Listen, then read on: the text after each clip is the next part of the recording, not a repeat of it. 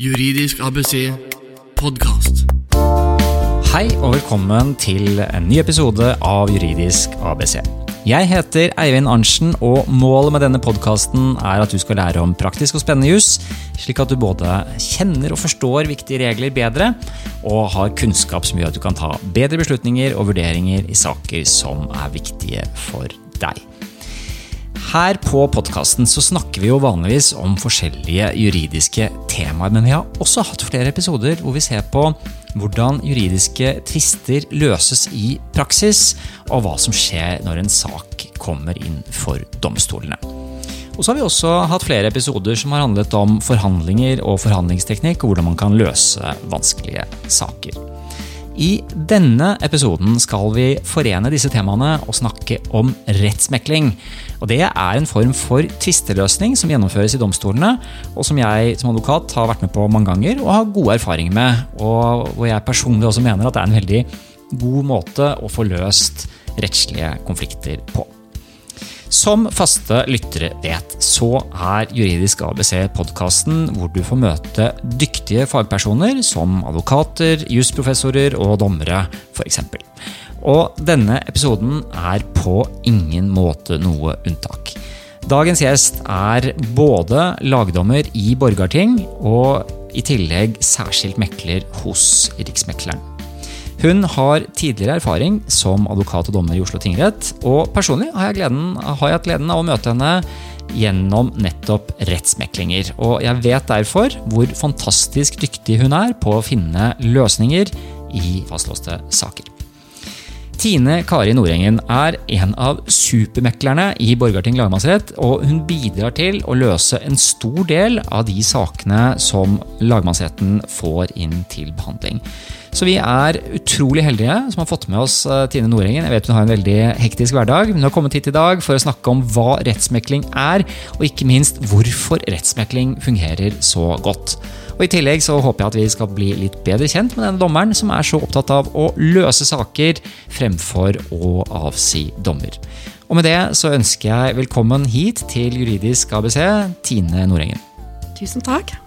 Jeg har gledet meg veldig til denne innspillingen. Dette er et uh, spennende tema. Men det er også et uh, viktig tema tenker jeg, med tanke på å få løst uh, mange av de konfliktene som parter opplever å ha. Vi skal også snakke om rettsmekling. Og bare for å hoppe rett på det først, hvis ja. noen er litt sånn ukjent med hva som ligger i det. Hva er rettsmekling? Ja, rettsmegling det er jo en annen måte å løse tvister for domstolene på enn den tradisjonelle, der jo det gjennomføres en muntlig hovedforhandling og dommerne trekker seg tilbake og avsier dom. Eh, I rettsmegling så er det derimot partene selv som sitter ved roret og som har hånd om eh, løsningen. Rettsmegling rent praktisk det er en dyptgående forliksmegling, eh, der meglingsdommeren tar initiativ til å oppnå et forlik. Han kan peke på forslag til løsning, og han kan også drøfte styrke og svakhet i partenes rettslige og faktiske argumentasjon. Det som er en stor fordel med rettsmegling, det er at det vil ikke være en vinner eller en taper. I en rettsmegling så vil begge partene gå ut av saken og ha vunnet noe.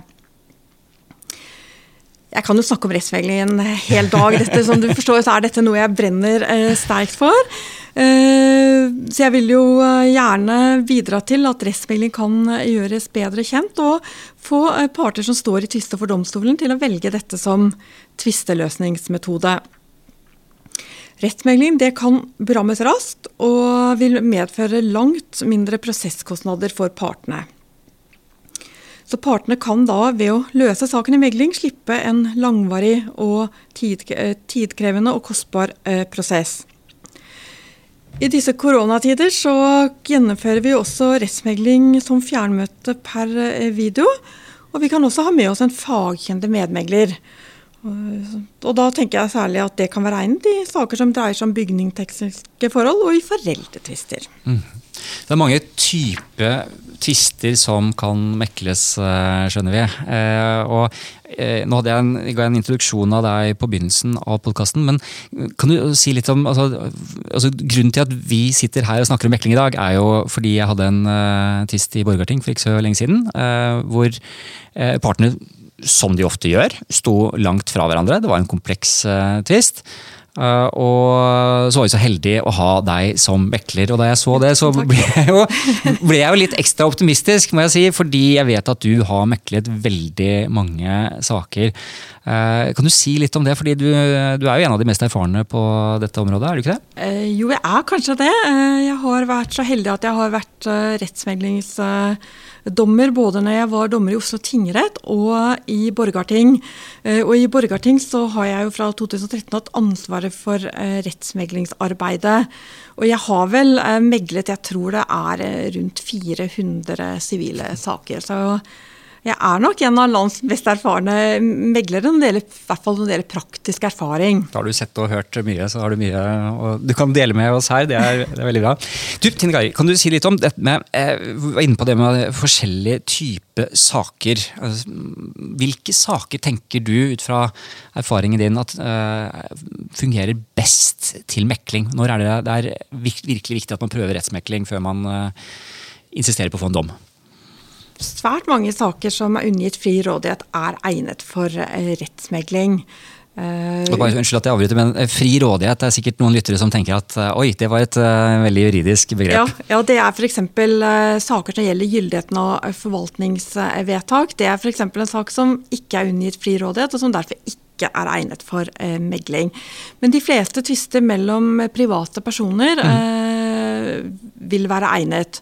Eh, og jeg vil trekke fram eh, entreprisesaker og mm. saker etter avvenningsloven og bostadsoppføringsloven, og erstatningssaker, herunder personskadeerstatning.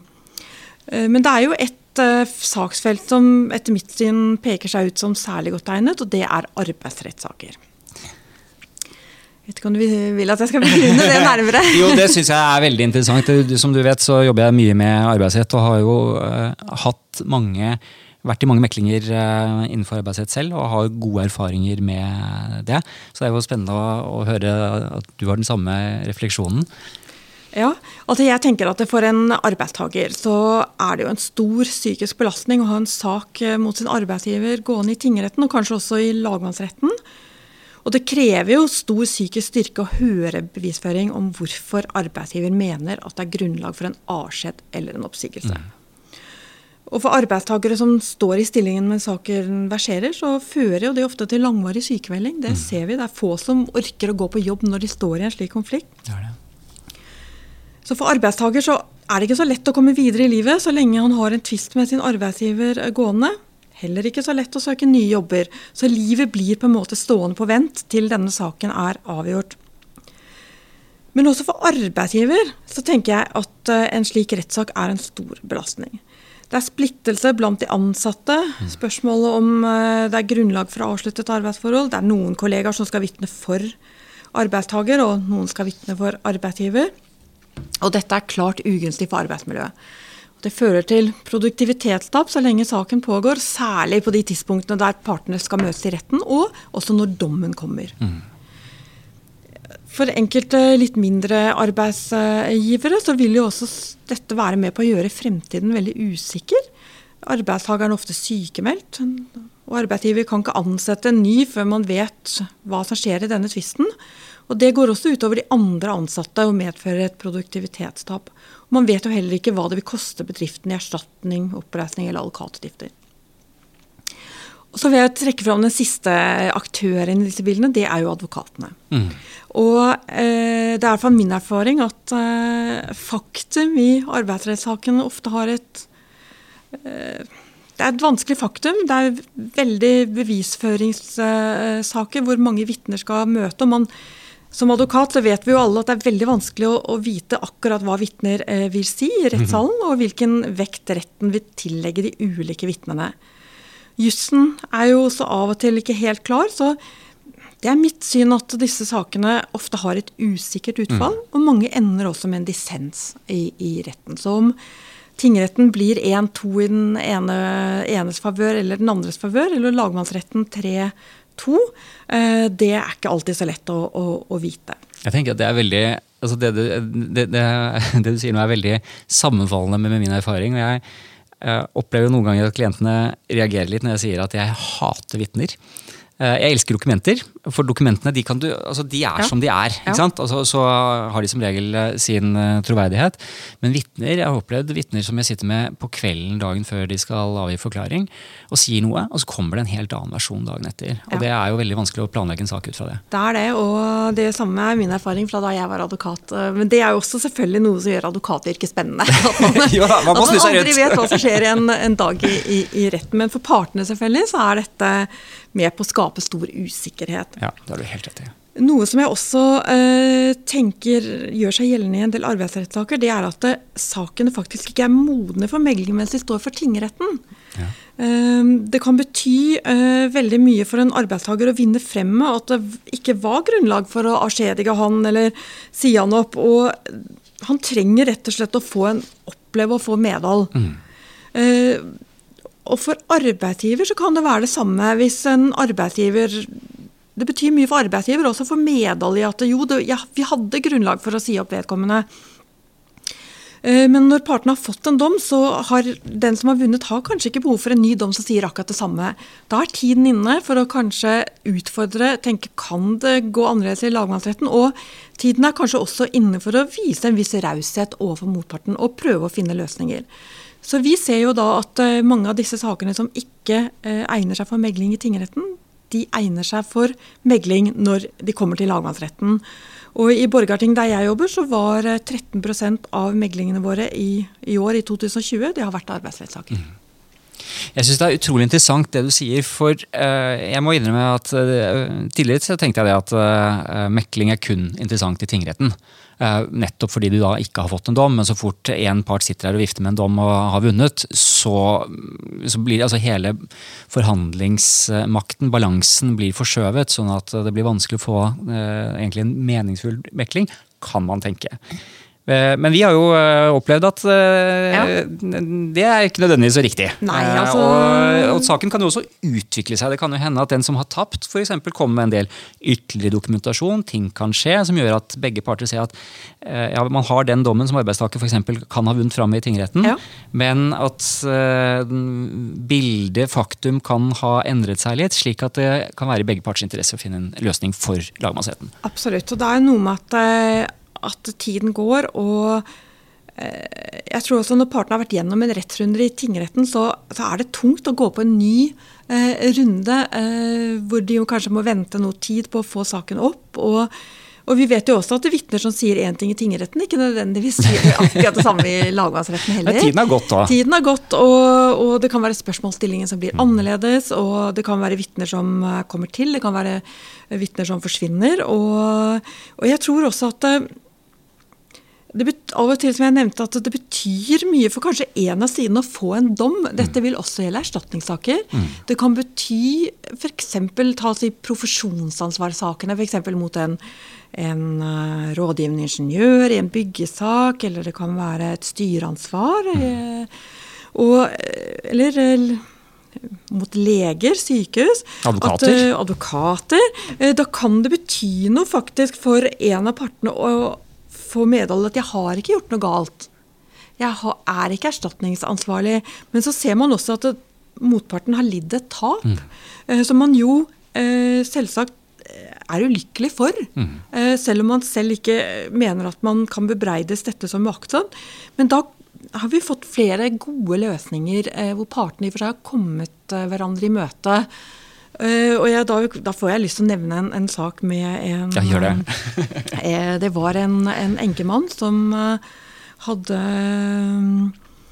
eh, mistet sin kone, og det var eh, Diagnostikken her var kanskje ikke helt eh, optimal. Eh, spørsmålet var om det egentlig eh, hadde kunne bebreides eh, en eh, lege. Eh, og eh, tingretten kom til at det kunne det ikke. Det var ikke eh, opptrådt uaktsomt. Legen burde ha oppdaget en sykdom, da? Eh, Det var det tingretten kom til at den ikke burde. Ja, altså at nei, men, han faktisk eh, Påstanden til eh, ja, påstanden var eh, at, at denne eh, kreftsykdommen burde vært Mm. oppdaget tidligere. Men eh, denne saken var jo en stor personlig belastning for legen, Mm. eh, og vi fikk en løsning i lagmannsretten. Eh, og det endte jo med at disse to klemte hverandre på slutten av meglingsmøtet. Det var jo en stor belastning for eh, begge parter. Og, um, Jeg er veldig glad for å kunne bidra til løsninger i slike saker. Det skjønner jeg godt, og da eh, er du jo inne på tenker jeg, noe som jeg syns er fantastisk med mekling. Det at og det vet du, du er opptatt av, men dette at man kan få helt andre løsninger i mekling enn du kan i en rettssal. Ja. Eh, For du ville jo aldri fått en situasjon hvor eh, partene gir hverandre en klem når de har fått en dom. Nei, nei. Eh, Vi håper jo at eh, vi i megling i noen saker kan bidra til forsoning. Eh, Parter som kanskje har stått i eh, konflikt mot hverandre en stund, så kommer de til oss, og så klarer vi eh, å oppnå en forståelse. Partene forstår hverandres eh, ståsted, kanskje for første gang på lenge. Eh, Og, og det er det jo kjempegøy å, å være med på. Jeg har eh, hatt en del megling hvor, hvor jeg faktisk tror at partene kan komme til å gjenoppta kontakten med hverandre etter at de ikke har eh, snakket sammen på flere år. Og det, da har man en god dag på jobben og føler at, eh, at dagen slett ikke har vært forgjeves. Juridisk ABC podkast. Da har vi fått en introduksjon til rettsmekling. Vi har fått eh, vite at eh, det er noe som passer bra i sivile saker. Her på podkasten snakker vi mye om eh, temaer som handler om hva vi møter i, hverdags, eh, liksom, i hverdagen. Altså både hus og hjem og privat og på jobb. Eh, og mange av de sakene vil jo da, hvis de havner i domstolsapparatet, være egnet for mekling. Nå tenker jeg at vi eh, kunne ha godt av å bli tatt gjennom prosessen. Eh, Dette har du gjort mange hundre ganger, bokstavelig talt. Ja. Kan du si altså, eh, Og så vet jeg at eh, jo, man har en del eh, normer for hvordan man gjennomfører rettsmekling. Samtidig så er det ikke en så detaljert gjennomføring av mekling eh, som en hovedforhandling, altså en rettssak, hvor det er Nei. veldig regulert. Alt som sies, alt som gjøres, er helt sånn by the book. Ja. Mekling er litt mer et åpent format. Absolutt, og det er mer spontant. Og jeg tror ofte man får fram en god del informasjon i et meglingsmøte som man kanskje heller ikke får frem under en, en tradisjonell eh, hovedforhandling. Eh, Meglingene de starter jo alltid i et fellesmøte. og Der kommer rettsmeglingsdommeren til å ha en kort innledning, hvor han også gjør seg litt kjent med partene og prosessfullmektene. Deretter så får partene ordet én gang hver til å gi en kort redegjørelse for sitt syn eh, på saken. Og eh, dommeren kommer nok også til å stille spørsmål, og det vil være anledning for partene til å stille spørsmål til hverandre. Og dette er jo en gyllen anledning til å bli litt som i hvert fall hvis man møter som prosessfullmektig, å bli litt bedre kjent med parten på den andre siden. Eh, Man skal ikke undervurdere eh, bevisverdien av en god partsforklaring. Og i rettsmeglingen så er- er det en veldig god anledning til å prøve å, å bli litt bedre kjent med motparten og, og stille litt eh, spørsmål. Og kanskje komme litt videre når det gjelder opplysning av saken. Få en liten forsmak på hvordan ting kan bli hvis man havner i en full hovedforhandling. Ja. Eh, og det vil også være første gangen kanskje mm, parten på den andre siden hører uh, dine argumenter som advokat, og det kan jo også være, være nyttig. Da får parten se at det er jo ikke bare min advokat ser slik på saken, men hvorfor da ser motpartens advokat slik så helt annerledes på saken? Det kan jo være litt nyttig å, å høre for partene. Så jeg tenker under en rettsmegling i tingretten så kan denne innledningen behøver ikke være helt kort. Kan være gå inn på saken til en viss grad, men ikke for langt. Det er alltid en balansegang. og man skal, Jeg pleier å be parten, parten om å slutte med å si hvorfor han har valgt å møte til megling. For da viser man ved, ved det og at man faktisk er her for å komme eh, motparten i møte. Og jeg pleier å si at eh, dere er kanskje eh, motstandere i saken hvis den ikke løses, men i dag så er vi, alle som er her i dag, vi er faktisk samarbeidspartnere. Og vi har som et felles mål i dag å se om vi kan løse denne saken i minnelighet. Det høres jo egentlig veldig naivt ut. da. Altså, er, man kan jo ha det som en innvending at tenke at eh, jo, men det er jo, og For lagmannsretten så er det jo parter som man har allerede hørt hva man har å si til hverandre. Man har, man har, man har såret hverandre kanskje i en del situasjoner situasjoner også. Enten det er det kan være en familiesak, det kan være en arbeidstvist, så er det jo sagt mye, vært en bevisførsel innen de kommer til deg, som kan ha vært ganske krevende, og det har jo sagt en dom. Ja. Eh, Og så prøver du å invitere partene rundt et bord til å samarbeide om en løsning. Hvordan gjør du det? Altså Når vi er i lagmannsretten, så, så pleier jeg til dette, tilbake til dette med innledning. Da kan innledningen gjøres helt kort, for da har partene allerede hørt hverandres argumenter en full dag i minst en full dag i tingretten. Eh, så i lagmannsretten så, eh, så, så, kan dette bør man ikke bruke lang tid på innledningen. Men noe som er min jobb som megler, det er jo å prøve å skape forståelse. Og prøve å få den ene parten til å skjønne at det, motparten kanskje har en grunn til å se eh, saken på en annen måte. Eh, og få partene til å reflektere litt over egen atferd. Kanskje er det ting jeg har gjort som jeg kunne ha gjort annerledes, om jeg kanskje forstår at motparten eh, oppfatter eh, vanskelig, og som motparten pga. sitt ståsted eh, er nødt til å reagere slik han gjør. Eh, jeg hadde jo f.eks. en arbeidsrettssak for et par uker siden hvor det var en arbeidstaker som på mange måter var mistenkt for å ha Eh, begått noe som kunne ligne på økonomiske misligheter. Eh, men hvor arbeidstakeren på det sterkeste mente at det hadde han jo absolutt ikke. Og, og jeg eh, sa til arbeidstakeren at jeg, jeg, forstår veldig godt at du mener du ikke har gjort noe galt. Og det tror jeg deg på. At du faktisk ikke mente å gjøre noe eh, som var i strid med arbeidsgivers interesser her. Men hvis du nå ser saken hvis det ikke hadde gjaldt deg, men hadde gjaldt en tredjeperson, mm. hvordan ville du som arbeidstaker ha eh, reagert på det, eh, som arbeidsgiver har reagert på dette? Og har det vært andre ting i firmaet som gjør at de kanskje eh, reagerer sterkere eh, enn vanlig? Jo, det hadde det jo vært. Mm. Og da fikk jeg en forståelse hos arbeidstaker for at arbeidsgiver hadde måttet være så hard i klypa som mm. de faktisk var. Og vi fikk en veldig god løsning i den saken. Partene var veldig fornøyde. Mm. Og det er jo en, eh, altså Det å få tatt det perspektivet, det minner meg litt om eh, vet Du du har jo lest mye forhandlingsteori. Eh, William Ury snakker om dette med 'going to the balcony'. Eh, altså eh, litt sånn eh, Et bilde tatt fra teatersalen. Med å i stedet for å liksom, se, være, være, midt i selve ja. stykket, men prøve å ta tilskuerplassen, tredjepersonsperspektivet, ja. og se dette litt på avstand. Ja. Det er akkurat det du gjør der, da. Ja, og er, Hvis man klarer å få partene til, eh, til å, å, se saken litt utenifra, eh, så er vi ofte på god vei til en, en, løsning. Og etter at det har vært en dom i tingretten, så, så, har jo en av partene opplevd at de ikke har klart å formidle sitt, sitt syn til retten. Mm.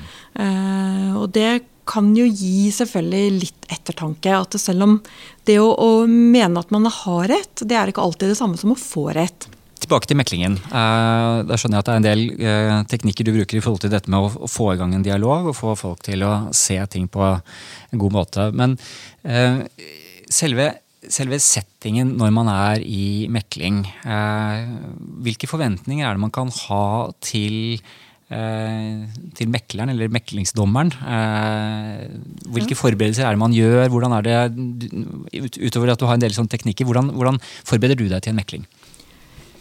Jeg tror det er viktig at uh, meglingsdommeren har satt seg godt inn i faktum. Mm. Uh, og vise at man kan saken. Det inngir tillit hos partene. Absolutt. Og da har man også mye større mulighet for å oppnå en løsning. For da kan man utfordre partene på den delen av faktum som, kan, eh, ikke, som ikke er helt opplagt.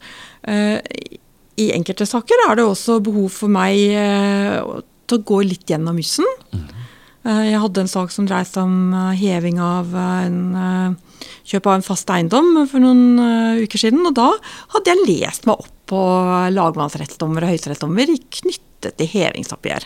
Slik at jeg hadde dette ganske ferskt for hånd når vi kom i meglingen. Hvor langt kan du gå da? Altså, for du skal jo ikke gi en prognose på utfallet av saken, men hvor langt kan man gå på det rettslige som, som mekler? De tilbakemeldingene som uh, vi dommere får fra advokater, er at advokatene ønsker aktive meglere mm. som faktisk er villige til å være en reell diskusjonspartner knyttet til sakens sterke og svake sider. Ja. Uh, men det er umulig for oss uh, som meglere å forutsi et utfall. Man, er, man, skal ikke være dommer, men man kan jo utfordre partene og advokatene på hva man har størst tro på ved saken, og kanskje hva man har litt mindre tro på ved saken. Og det er ikke helt sjelden heller at advokatene gjerne vil ha litt hjelp av megleren til å fortelle klienten at eh, verden kanskje ikke ser helt slik ut som klienten alltid tror. Det tror jeg du har eh, helt rett i. Eh, Mekling er jo en veldig altså det er en tillitsbasert prosess. Eh, vi kunne jo ha, kanskje ha nevnt det, men eh, for at man skal eh, havne i mekling, så er det jo en forutsetning at begge parter samtykker til mekling. Ved beramming av en rettssak så, så, sender domstolene ut informasjon om, eh, om mekling, og inviterer til mekling. og Det er jo et, et godt initiativ. Liksom på overordnet på det, hvor, hvor, mange saker er det altså av prosentvis Har du det? Det fra Borgarting? Hvor mange saker som ja. havner i mekling? Altså I Borgarting så hadde vi i, eh, i, i 2019 så uh, meglet vi i 96 saker.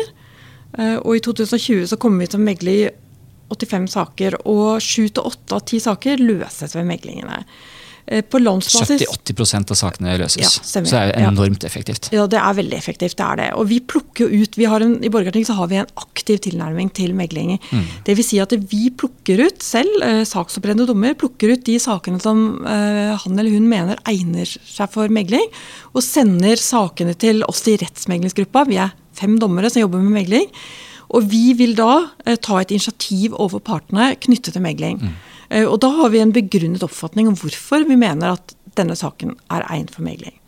Eh, og da eh, markedsfører vi litt vårt meglingstilbud. Mhm. Vi er jo da Dere har jo mye å markedsføre, da, med de tallene. ja, og vi er etter hvert en, en, en, ganske god gjeng erfarne meglere som har veldig interesse for dette fagfeltet, og som etter hvert har betydelig kompetanse og erfaring. Eh, så det markedsfører vi litt. At, mm. at, ingen skal behøve å møte til megling i Borgarting og tro at vi foreslår en løsning som bare er å dele tvistegjenstanden på midten. Nei. Den tanken har folk tenkt før ja. man kommer til mekling. Ja, så, så, vi går inn i saken og, og hjelper partene til en løsning som er noe annet enn å bare dele kaken i to. Eh, jeg, nå, nå, nå, hoppet jeg litt sånn til siden da, for, å, for, å, få med disse tingene. Jeg tenkte det var greit for helhetens skyld. Men litt sånn tilbake til meklingssituasjonen. Um, det er jo en um, det er en veldig, eh, en veldig annerledes type rettsmøte enn å være i en hovedforhandling, altså i en rettssak. Det er det kan jo bli si, mer intimt. da. Eh, ja. Og, de, og, folk eh, åpner seg ofte mye mer. Det kan være mer følelser det kan være mer som kommer på bordet. Det er en viktig del av prosessen, tenker jeg også. Ja. Taushetsplikt er jo et viktig element i prosessen, tenker jeg. Ja. Eh, kan du si litt om det? Alt som foregår under et meglingsmøte er unngitt taushet. Og det vil si at partene ikke kan vise til eller gjengi det som har kommet fram i meglingen. Man kan ikke bruke det til å fiske etter ting og bruke Nei, en rettssak i ettertid f.eks.? Det kan man ikke. Ehm, det motparten måtte komme med av tilbud eller innrømmelser, kan man ikke vise til.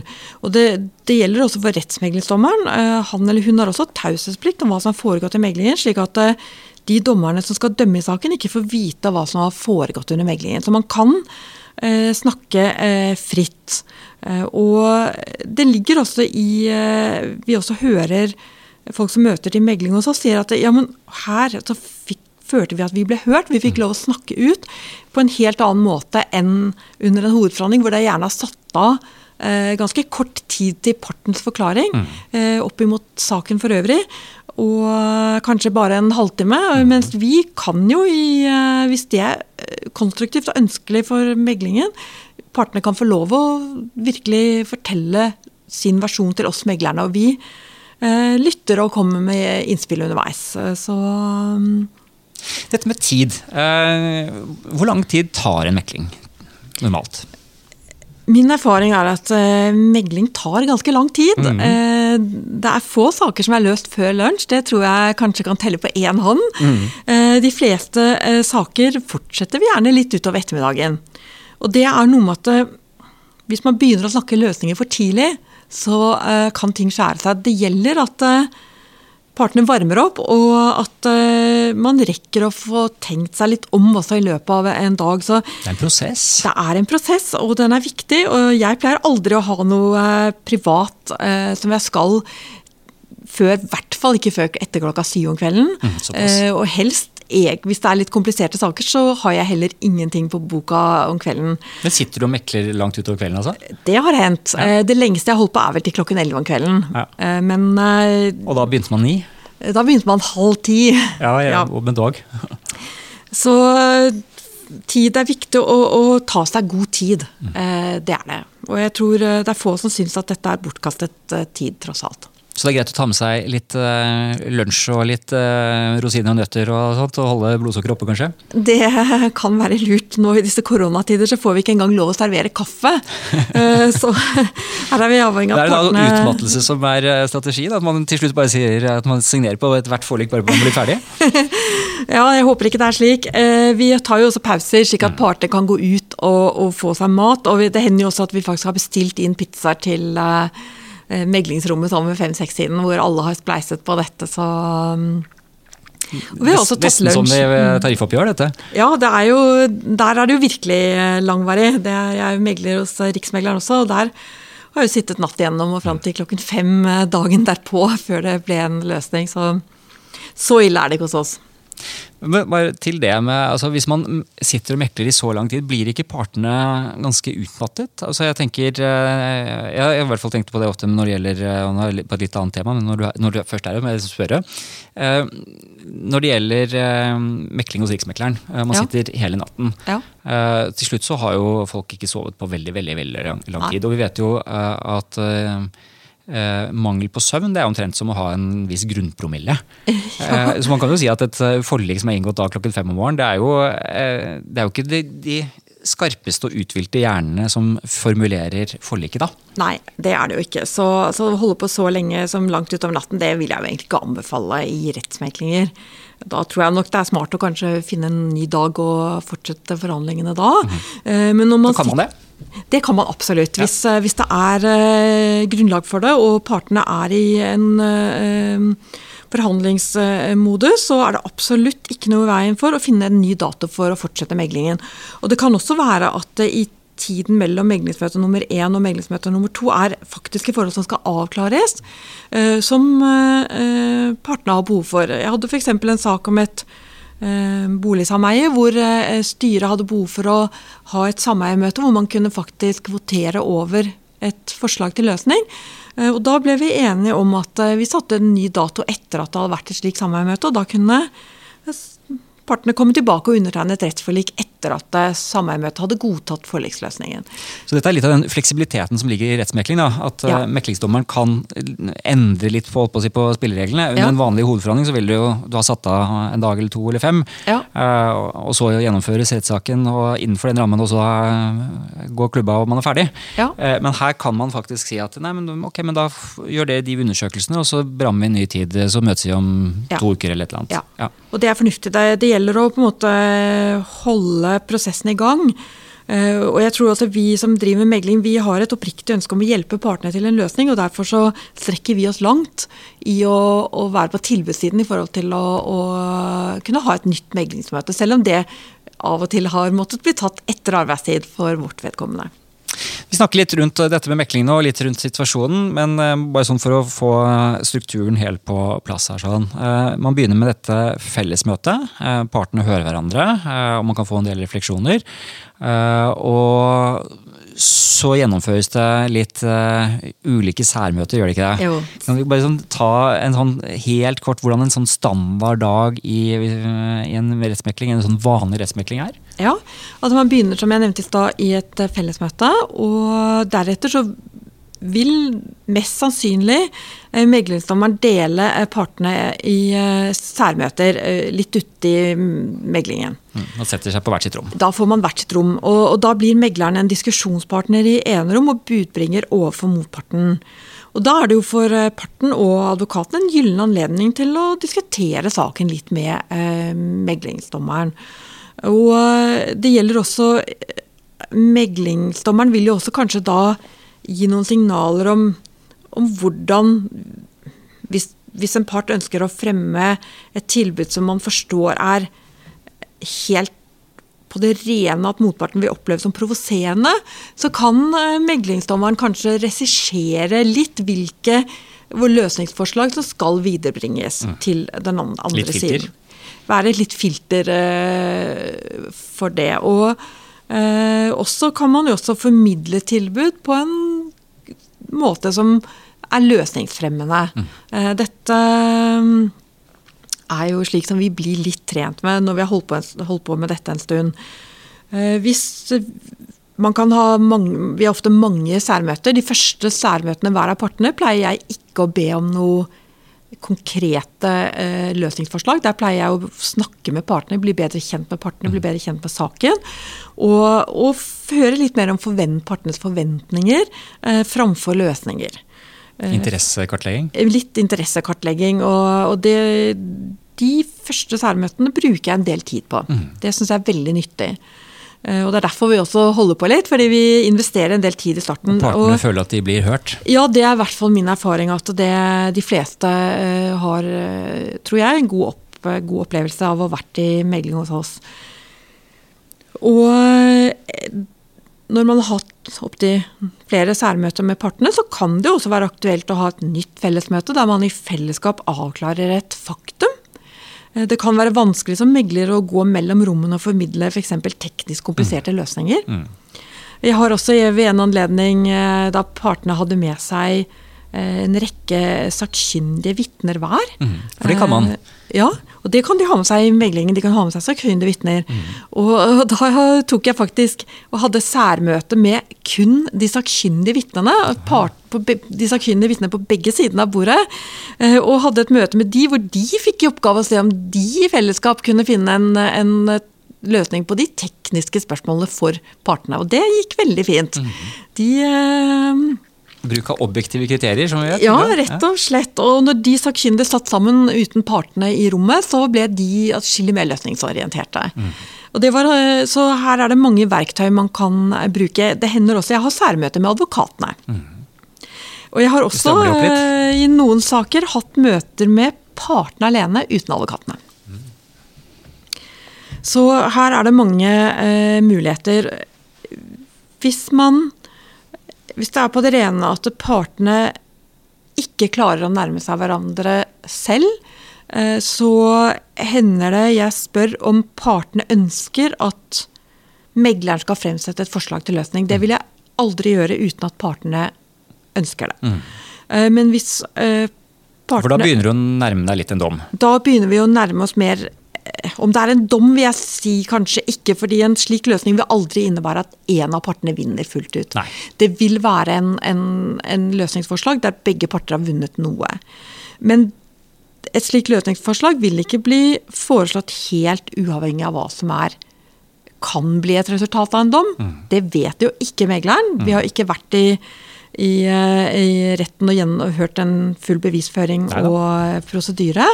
Eh, Men man vil kanskje prøve å peile en løsning inn på hva man tenker bør være akseptabelt for partene, slik som saken står faktisk og juridisk. Mm.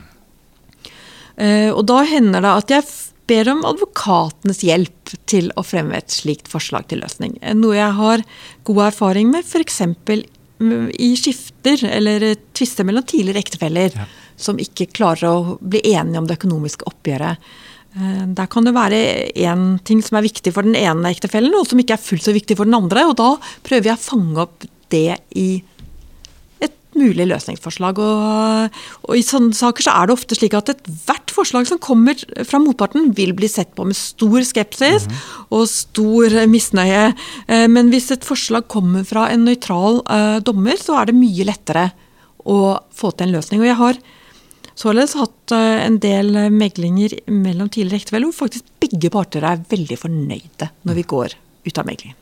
Det er jo det med å ha et konkret eh, utgangspunkt eh, for diskusjonen som, som ikke er helt full bruk av forankringsteknikk. Da. Som ikke er ekstreme posisjoner, men noe som ligger i eh, noenlunde midt i en sone. Da er det mye lettere å, å begynne å meisle ut en løsning Ja. basert på at det er noen hovedelementer som er på plass. Det er akkurat det. Så man begynner jo aldri Det det vil jo være fullstendig feil av en rettsmeglingsdommer å på en måte skissere en eh, løsning allerede klokka ti-halv elleve. Ja. Eh, Dette er etter at man har, eh, har sett og hørt partene og fått forberedt seg godt på forhånd. og, og, og fått et innblikk, og vi i lagmannsretten har jo også den store fordelen at vi har jo en tingrettsdom som uh, veldig ofte partene er enige om i hvert fall den faktiske uh, gjengivelsen av sakens bakgrunn. Ja, for jeg tenker altså, Dels så har du forberedt deg, du har lest dommen, man har lest prosesskriv. altså det, Alt det som advokatene har sendt inn til domstolen,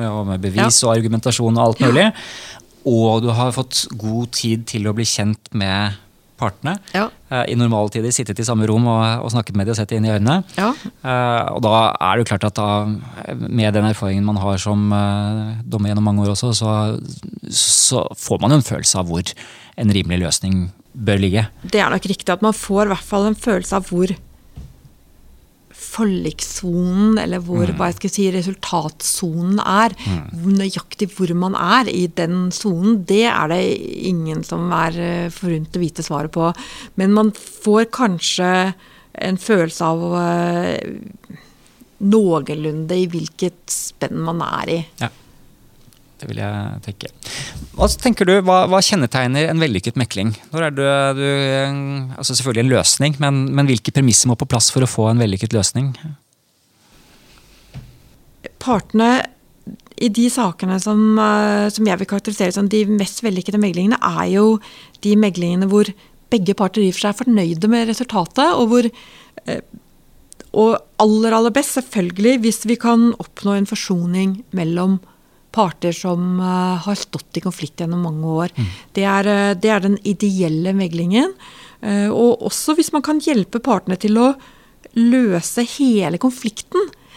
Ikke kun de tvistepunktene som står for domstolen, men man kan sette et endelig punktum for en langvarig konflikt. Som jo har gnaget på partene kanskje i en årrekke. Ja, Innen man kommer til deg, så har jo Det tvisten har ofte gått en stund. noen år, ja. ja. Mm. Eh, noe av det som er fantastisk synes jeg, med rettsmekling, er jo det vi har vært inne på en del, men som jeg gjerne vil komme tilbake til, dette med eh, at man kan få helt andre løsninger i en mekling enn det du kan få i en dom. Det er ganske strengt, egentlig, eller det er ganske lite handlingsrom eh, i hva domstolene kan avsi slutning på. eh, Eller hva man kan komme til eh, som resultat i en dom, mens i mekling så er det jo mye større eh, hva skal jeg si, båndbredde. Ja. Eh, kan du si litt om det, for du har jo fantastisk mye erfaring med kreative løsninger eh, Ja. fra rettsmekling. Ja, jeg pleier å si at, at i rettsmegling så er det skreddersøm eh, ved at man kan finne en løsning som passer akkurat for disse partene og for denne tvisten. Eh, og vi har mange gode eksempler eh, på det. Jeg hadde f.eks. en Det er jo en veldig utradisjonell eh, løsning på slutten, men veldig morsomt. Og den saken har jeg jo eh, eh, snakket om eh, før også. Eh, og det var jo en sak hvor det var to eh, firmaer. De sto eh, 100 000 fra hverandre. Og eh, de ble da ved eh, slutten av meglingen eh, så var det slik at den ene, ene selskapet eh, det andre selskapet i det andre rommet skulle ikke slippe unna med så lite. De skulle i hvert fall gi 100 000 til.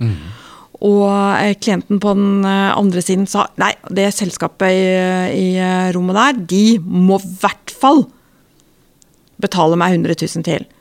Og så kom vi, foreslo jeg da, etter et stikkord fra en av partene om at jeg kan jo like gjerne gi bort pengene, så sa jeg hva med å donere denne differansen dere imellom til Kreftforeningen? Ja.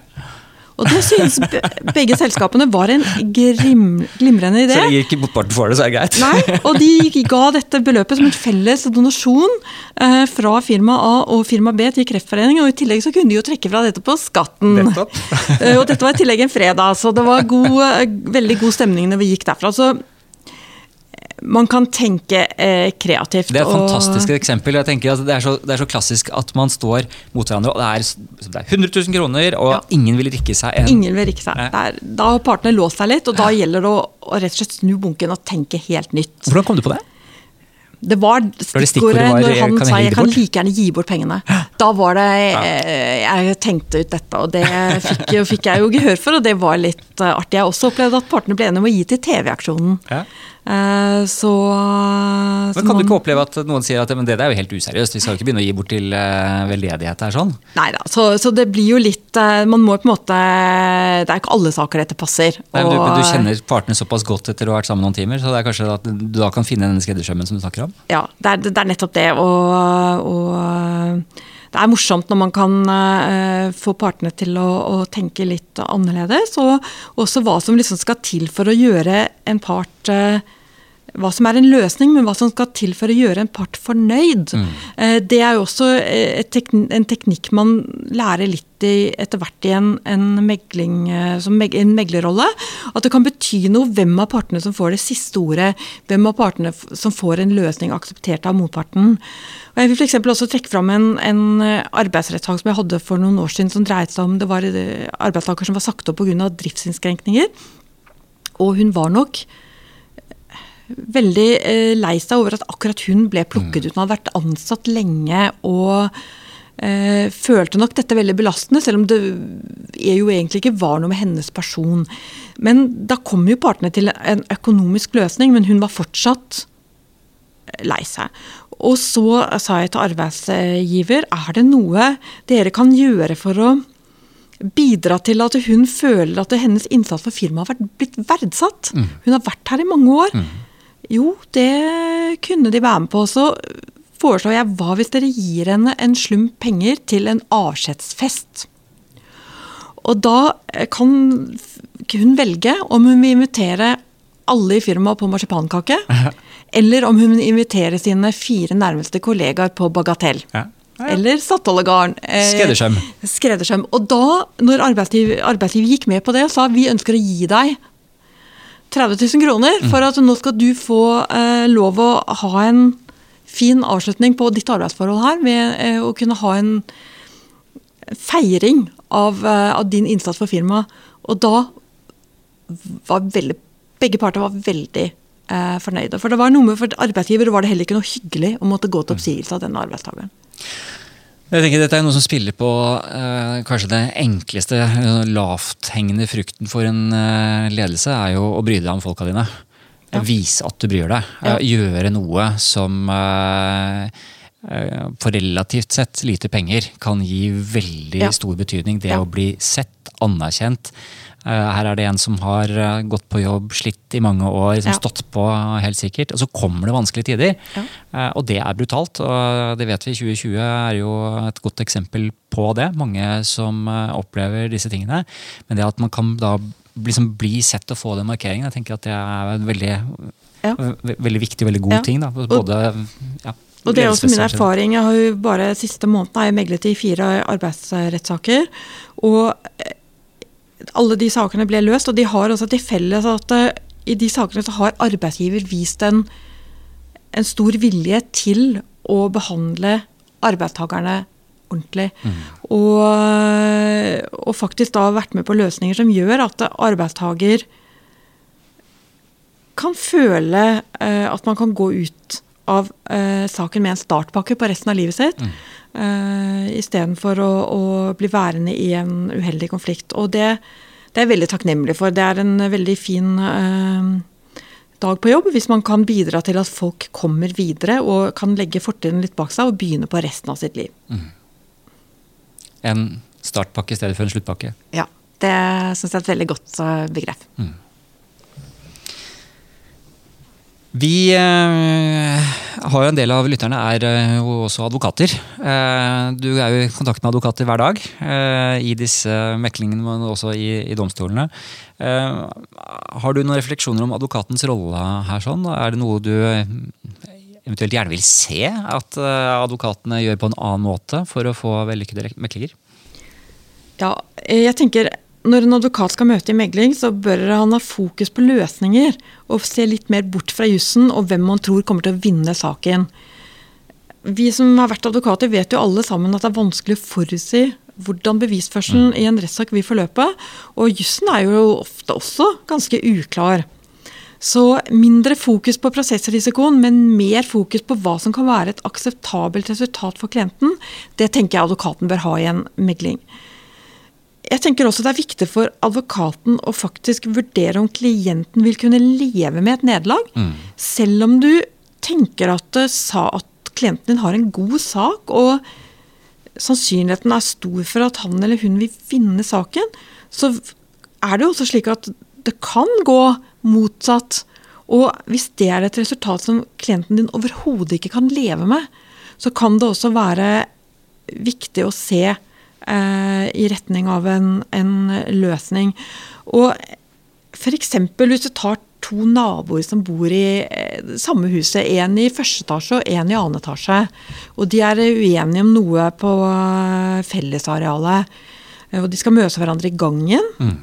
og eh, de har familier. Og da er det jo faktisk slik at eh, verken den som vinner eller den som taper, vil kunne leve med resultatet. Eh, å ha eh, fått en dom mot naboen din, sier at naboen din skylder deg eh, 300 000 kroner, det er ikke noe godt utgangspunkt eh, for å bli enige om hvordan man skal ordne med disse fellesarealene i fremtiden. Nei, en må flytte. En må flytte, men får man en løsning, så kan man jo faktisk flytte når man vil flytte, og ikke fordi man må eh, flytte. Så det er eh, mange saker som, som også vinne saken vil kunne få et stort sår. Eh, F.eks. mellom søsken. En arverettssak. Eh, hvis den ene vinner og den andre taper, så vil det kunne føre til en splittelse som ikke får betydning bare for den ene generasjonen, men som også forplanter seg til generasjonen under. Jeg tenker også at det, For advokatene så er jo også megling en gyllen anledning til å kunne få prøvd sine egne eh, standpunkter opp mot rettsmeglingsdommeren. Hvis, er, hvis du har en sak hvor du tenker at ok, det punktet der tror jeg nok er litt tvilsomt. Så hvis, hvis du får Ny motstand. hvis du, hvis du da får de samme refleksjonene fra meglingsdommeren, så er det jo kanskje verdt å ta det litt inn over seg. Så, så det er en gyllen anledning til å diskutere saken med forhåpentligvis en, en flink jurist som er nøytral. Opplever du eh, altså, hvordan er det, Opplever du advokatene på det? Er de, er de reflekterte rundt dette, eller eh, turer de på? Det er veldig forskjellig. Mm. Jeg synes, eh, jeg har møtt mange veldig flinke advokater som er veldig gode, eh, som er absolutt en medspiller i en, en megling. Og jeg tror mange forlik hadde ikke klart det hvis ikke det var for eh, veldig konstruktive, eh, gode innspill fra advokatene. Eh, og jeg, jeg tror også kanskje at jeg merker at det har vært en utvikling der. Det er mange advokater nå som har gått på Advokatforeningen og Juss sitt meglingsakademi, som har uh, lært uh, mer om hva megling innebærer, og megling, hvordan megling, for, megling foregår. Så jeg syns i dag kanskje enn for noen år siden at at det er sjelden at jeg opplever advokater som rett og slett motarbeider en løsning. Men jeg har jo opplevd det. Og i en av de eh, sakene så uh, fikk jeg uh, aksept for at partene skulle snakke sammen alene, sammen med meg. Uh, og da kom de fram til en eh, løsning. Og jeg sa vil dere ikke nå eh, sjekke ut dette med advokatene deres før vi, før vi skriver forliket? Og da sa de å nei, det vil vi i hvert fall ikke. Eh, og da gikk vi sammen ut og fortalte til advokaten at saken var løs. Eh, men det var jo to eh, næringslivstopper som var absolutt i stand til å eh, treffe avgjørelser selv, uten å ha en advokat som holdt dem i hånden. Og det var også et veldig likt styrkeforhold mellom partene. Jeg ville eh, betenker meg ved å ha partene alene hvis den ene parten klart har et eh, Styrkeforholdet er veldig ujevnt fordelt. Da Du må du ta en vurdering på der, ja. det. Så i den, den konkrete saken så var det to absolutt beslutningspotente parter. Du, jeg lurer på det. Eh, altså, mekling er jo en, er en dialog. Eh, vi er mennesker. Du har vært inne på dette med det innledende møtet. Eh, og, kan, og, og du, nå refererer du, refererer du til en sak hvor partene var eh, ressurssterke. Eh, men det kan jo være ujevnhet i maktforholdet. En del bruker jo dessverre hersketeknikker. Eh, opplever du det i mekling også, at noen bruker hersketeknikker for å påvirke enten eh, den andre parten, eller kanskje også prøver seg opp mot dommeren eller rettsmekleren? Eh, hvor vanlig er det? Det kan nok eh, skje fra tid til annen eh, at eh, noen prøver å styre prosessen og kanskje også prøver å sverte motparten på en eh, lite hensiktsmessig måte. Og hva man kan si, prøve å psyke ut motparten, hvis man kan si, eh, bruke et sånt uttrykk. Men da er det jo en fordel at man har en erfaren megler, og kanskje også en en megler som har den uh, autoritet som en dommer uh, har, i å, å få meglingen over i et konstruktivt spor. Og da får du det. Håper det. Ja, Så bra.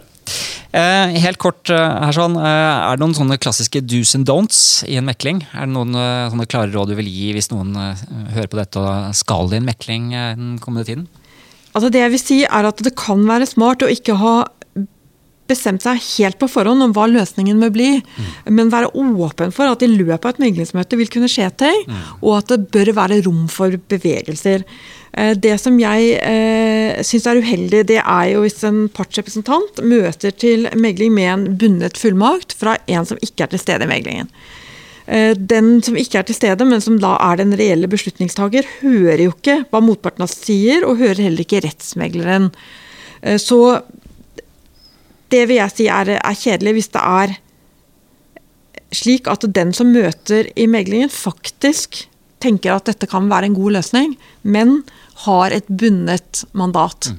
Uh, og Så mitt råd vil være at den som kan bevege, bevege seg, uh, den bør være med. Ja, den som har eh, fullmaktene? Den som har fullmaktene, er den reelle beslutningstager, ja. bør være med. Og ha en backbencher som sitter eh, hjemme, eller som eh, sitter i firmaets hovedkontor i mm. London, mm. og som er den som tar avgjørelsen. Og som får en telefon og vi trenger litt mer, og så ja. sier vedkommende nei, nå må vi være harde? Ja. ja. Det er eh, Det er, det, det er aldri gunstig aller helst så bør den som kan ta avgjørelsen, være med. Mm. Hvis det er slik at man trenger etterfølgende godkjenning, da f.eks. fra styret i et firma, fra styreleder, så kan man jo også selvfølgelig beramme et nytt meglingsmøte, eh, hvor, eh, hvor, vedkommende da kan ha rukket å, å, se på resultatet og gitt sin aksept. Så det er veier å komme rundt det, men jeg tenker hvis, hvis man slipper det, selvfølgelig så sparer man eh, mye tid. Mm. Når er det man ikke skal mekle, da? Det er kanskje ikke det riktige spørsmålet å stille til deg, men eh, er det noen saker du sier at uh, altså dere, dere, har jo denne silingen, som du sier. Dere er jo denne ekspertgruppen som, som, ser på hva er det som er egnet, hva er det som ikke er egnet? Altså Enkelte saker dreier seg jo om prinsipielle spørsmål som skal ha en rettslig avklaring i uh, domstolene. og Det, det ville jo f.eks. ikke vært noen husmordom i rettssiden 1975 side 220 dersom denne saken var løs ved megling. Det er jo også saker der klienten absolutt ikke har noe å gi. Eh, og hvor Da er det jo bortkastet tid å, å møte til eh, megling. Opplever du det? At folk kommer i mekling og så har de egentlig ikke noe mer å gi enn det som allerede lå på bordet tidligere i prosessen f.eks.? Jeg har jo opplevd at uh, de som kun har forsinkelsesrenter f.eks. For å gi, mm. eh, kanskje bør tenke seg litt om. Da bør man på forhånd hvert fall si fra til meglingsdommeren at mm. det er det eneste jeg har å gi. Eh, men selv det kan selvfølgelig være nok i en ankesak hvor resultatet mest sannsynlig vil bli mm. akkurat det samme som i tingretten. Så kan det være nok, men, eh, men vil, det vil jeg på forhånd tro at det bør man på en måte avklare med rettsmeglingsdommeren på forhånd. At man har veldig lite å gi, men at man likevel håper å få til en løsning. Mm. For det er en forutsetning at man møter opp med en vilje til å finne en løsning. Det, det, det, tenker jeg det er eh, det beste utgangspunktet. Og I noen saker er det også sånn at det, det kan være til hinder for megling at parten ikke klarer å ta en avgjørelse. Eh, parten vil aldri kunne si ja eller nei til noe som helst. Man er avhengig av at det andre, nemlig dommere, tar avgjørelsen for dem i en dom.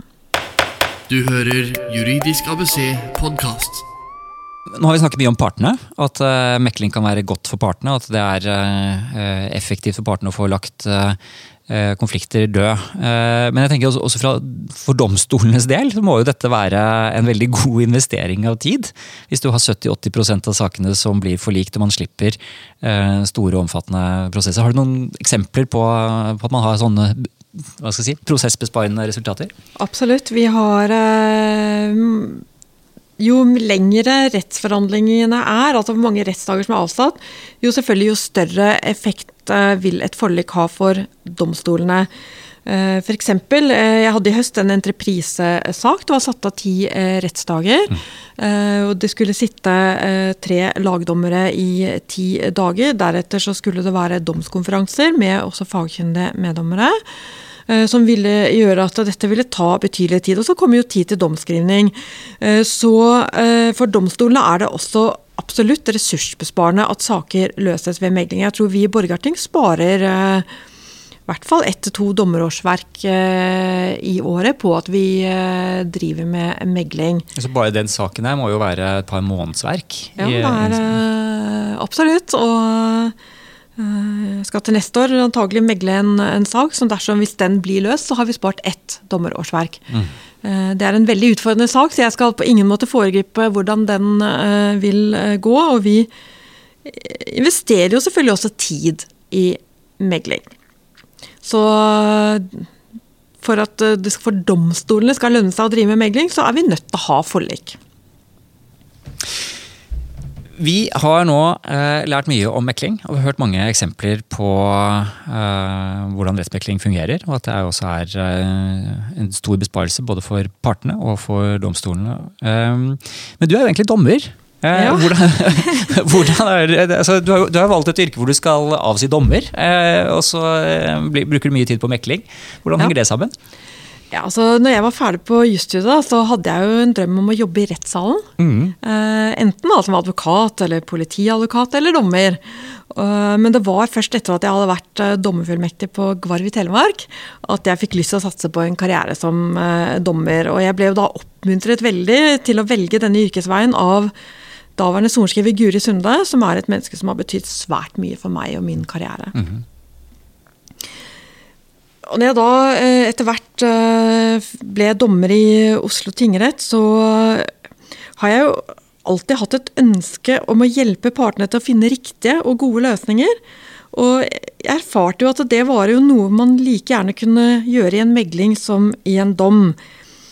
Det er jo også sånn at Jeg som person er en litt aktiv type. og Når jeg megler, så får jeg brukt de sidene av meg selv på en helt annen måte enn, den tilbaketrukne rollen som en dommer jo ofte har. Mm. Jeg er jo også ganske utholdende, eh, og det kan jo komme godt med i en krevende meglingssituasjon. Uh, og jeg tror i denne sammenheng at Drillos spesialuttrykk om å være gjennombruddshissig, det passer nok ganske godt på, som en karakteristikk på min arbeidsmåte i uh, meglingene. Ja, det er en del av hemmeligheten? ja, det gjelder å både være tålmodig og utholdende, faktisk. Og kanskje også en, en viss psykologisk sans har nok også betydning. Å se litt se litt bak hva som er partenes posisjoner, mm. men å, å, få tak i hva som er partenes interesser, og, og, og, det tror jeg jeg har lært en del av min, eh, min nå avdøde mor, som var utdannet spesialpedagog. For Det er jo det med at det er en helt annen måte å jobbe på eh, som mekler du forteller om disse lange dagene. Hvor du, man begynner ni eller halv ti og, så, og sitter til langt på kveld. Det er vel ikke sånn alltid, men det skjer. Mm -hmm. eh, mens en en dag i lagmannsretten, en rettsdag, er jo eh, fra ni til tre. Ja. Eller halv fire. Ja. Så det er jo en, det er en helt annen utholdenhet Det er en måte å jobbe på. Man blir, eh, man blir, jo veldig sliten etter å ha holdt på i megling eh, i mange timer. Og jeg engasjerer meg jo veldig, går jo veldig inn i saken, og det vet jeg også at uh, mange av de andre meglerne i Borgarting gjør. Uh, og det er klart, vi er jo helt uh, kokt etter en, en lang dag. og Jeg føler på en glede? Er det sånn at du går ut og tenker åh, i dag, dette var fantastisk? Ja, ja i noen saker gjør vi jo det. Og i, i, saker, i andre saker så tenker man jo er det noe jeg burde ha gjort annerledes? Er det noe jeg, eh, Særlig hvis saken ikke blir løst, så tenker vi jo er det noe jeg kunne ha gjort eller burde ha gjort mm. annerledes. Mm. og jeg vet at vi er flere som, som går all in. Mm. Og det er, kan være litt slitsomt. En, som person så blir man jo engasjert, men jeg tror faktisk også at det er derfor vi er så gode meglere, er fordi vi faktisk har det engasjementet som må til for å drive saken fremover. Et personlig spørsmål. Eh, vi begynner å nærme oss en eh, avslutning. Eh, en del av de som hører på podkasten, er jo jusstudenter. Som sikkert syns det er veldig uh, interessant å høre. Jeg syns det har vært veldig interessant å høre på alle dine refleksjoner som, uh, som dommer her. Sånn, og på et, uh, på et, område hvor altså, det er vanskelig å lese noe om dette i noen lærebøker. Det er jo litt, altså, det, er litt å finne av informasjon om mekling. Ja. Og nå har du gitt levende historier om hvordan det fungerer, og det er fantastisk. Men hvis du Uh, kunne gått tilbake til studenten uh, Tine Kari. Det er uh, noen år siden. Det, da, da, da, da, du satt på fakultetet, hvis, hvis, du skulle gått tilbake og gitt deg selv et råd, eller liksom sagt noe om noen refleksjoner fra der hvor du står nå, hva ville du sagt? Altså, jeg fikk som ung advokatfullmektig et råd fra min prinsipal, som har vært et utrolig godt råd, og som jeg i og for seg har hatt stor nytte av, både som advokat og, og dommer og rettsmegler. Og det er ta styringen på saken selv. Mm. Eh, sitt i forsetet og, og, prøv å drive saken fremover selv, og ikke la, la deg drive fra skanse til skanse av motparten. Eller av advokatene, hvis du er dommer. Prøv å, å ta styringen selv, og det er et veldig godt råd. Det, jeg, det er det beste rådet jeg har fått i min karriere. Og det er jo akkurat det samme som eh, at i en forhandling så bør du være den som kommer med det første utspillet. Sant? Det er å ta styringen. Det å, det kan det være, være. Ja. Det kan, det, ta f.eks. hvis du er advokat i en personskadesak. Mm. Så kan det være en fordel å være den som foreslår navnet på de sakkyndige. Mm. Da er det motparten som må argumentere mot dine forslag, framfor at du skal måtte argumentere mot motpartens forslag. Mm. Så vær proaktiv er et Proaktiv er, et, tror jeg er et godt råd til studenter. Og til alle andre som hører på. Eh, over 400 meklinger. Eh, er det noe konsentrat man kan ta med seg eh, som kan ha overføringsverdi til eh, privatlivet, til hverdagen? Ja, absolutt. Jeg tenker det å, å legge til rette for god kommunikasjon og kunsten å se en sak fra den andre partens side, det er uh, ting som jeg også har no, stor nytte av privat uh, å kunne gjøre. Så det er jo dette med psykologi. Megling innebærer jo en god del av psykologi. Og de samme tingene som går igjen i en megling, er jo veldig nyttig også privat. Jeg personlig har jo etter så mange år i eh, domstolene veldig lite lyst til å bli part i en mm. Sak. Så jeg, eh, så jeg, må si jeg er sånn som sjelden reklamerer på ting. Finn en løsning, eller løsning. gå videre. Ja, ja. Mm. mm. Det kan være et veldig godt råd. Ja. Tine Kari Nordengen, tusen takk for at du har delt en time med oss og gitt både innsikt i hvordan rettsmekling fungerer i Borgarting lagmannsrett, men også gitt oss eh, råd som har eh, generell relevans for å løse ting her i livet. Så tusen takk for at du kunne være med på podkasten. Tusen takk for at jeg fikk være med, og det har vært veldig morsomt å få lov å dele av min entusiasme og erfaring om megling med dere. Juridisk ABC podkast. Takk for at du hørte på denne episoden av Juridisk ABC. Jeg håper du syns dette var et spennende tema, og at uh, du syns eh, det var nyttig å lære om rettsmekling, som altså er en viktig løsningsmodell. En, en løsningsmekanisme som brukes veldig mye i domstolene, og med veldig gode resultater. Hvis du var fornøyd med denne episoden og ønsker å høre flere episoder av Juridisk ABC, og ikke minst hvis du bruker Apples eh, podkastplattform, så vil jeg be deg om en liten tjeneste. Eh, har du hørt eh, podkasten før, så vet du hva jeg skal spørre om nå. Men det er sånn at det hjelper veldig om du vil abonnere på podkasten og legge igjen en liten anmeldelse på Apples podkasttjeneste. Eh, vi setter veldig stor pris på de fantastiske tilbakemeldingene som har kommet. Personlig så leser jeg alle og er eh, veldig takknemlig for all den gode tilbakemeldingen, alle de gode tilbakemeldingene som har kommet. Eh, og prøver også å ta de ønskene som kommer eh, via plattformen med i planleggingen av nye episoder. Så har du to sekunder, så bruk gjerne litt tid på det. Og uansett, husk å abonnere, for eh, jeg jobber med nye episoder. Det kommer til å komme nye episoder av podkasten. Selv om ikke de kommer til noen faste tidspunkter, så jobbes det med nye episoder, og da er det veldig lurt å abonnere, slik at du får episodene levert direkte til der hvor du hører på podkast. Med det så sier jeg på gjenhør og ha en strålende dag. Juridisk ABC podkast. For mer informasjon om dagens tema, se juridiskabc.no. Her finner du flere podkaster og artikler innen arbeidsrett, eiendomsrett, familierett og temaer for deg som driver egen virksomhet.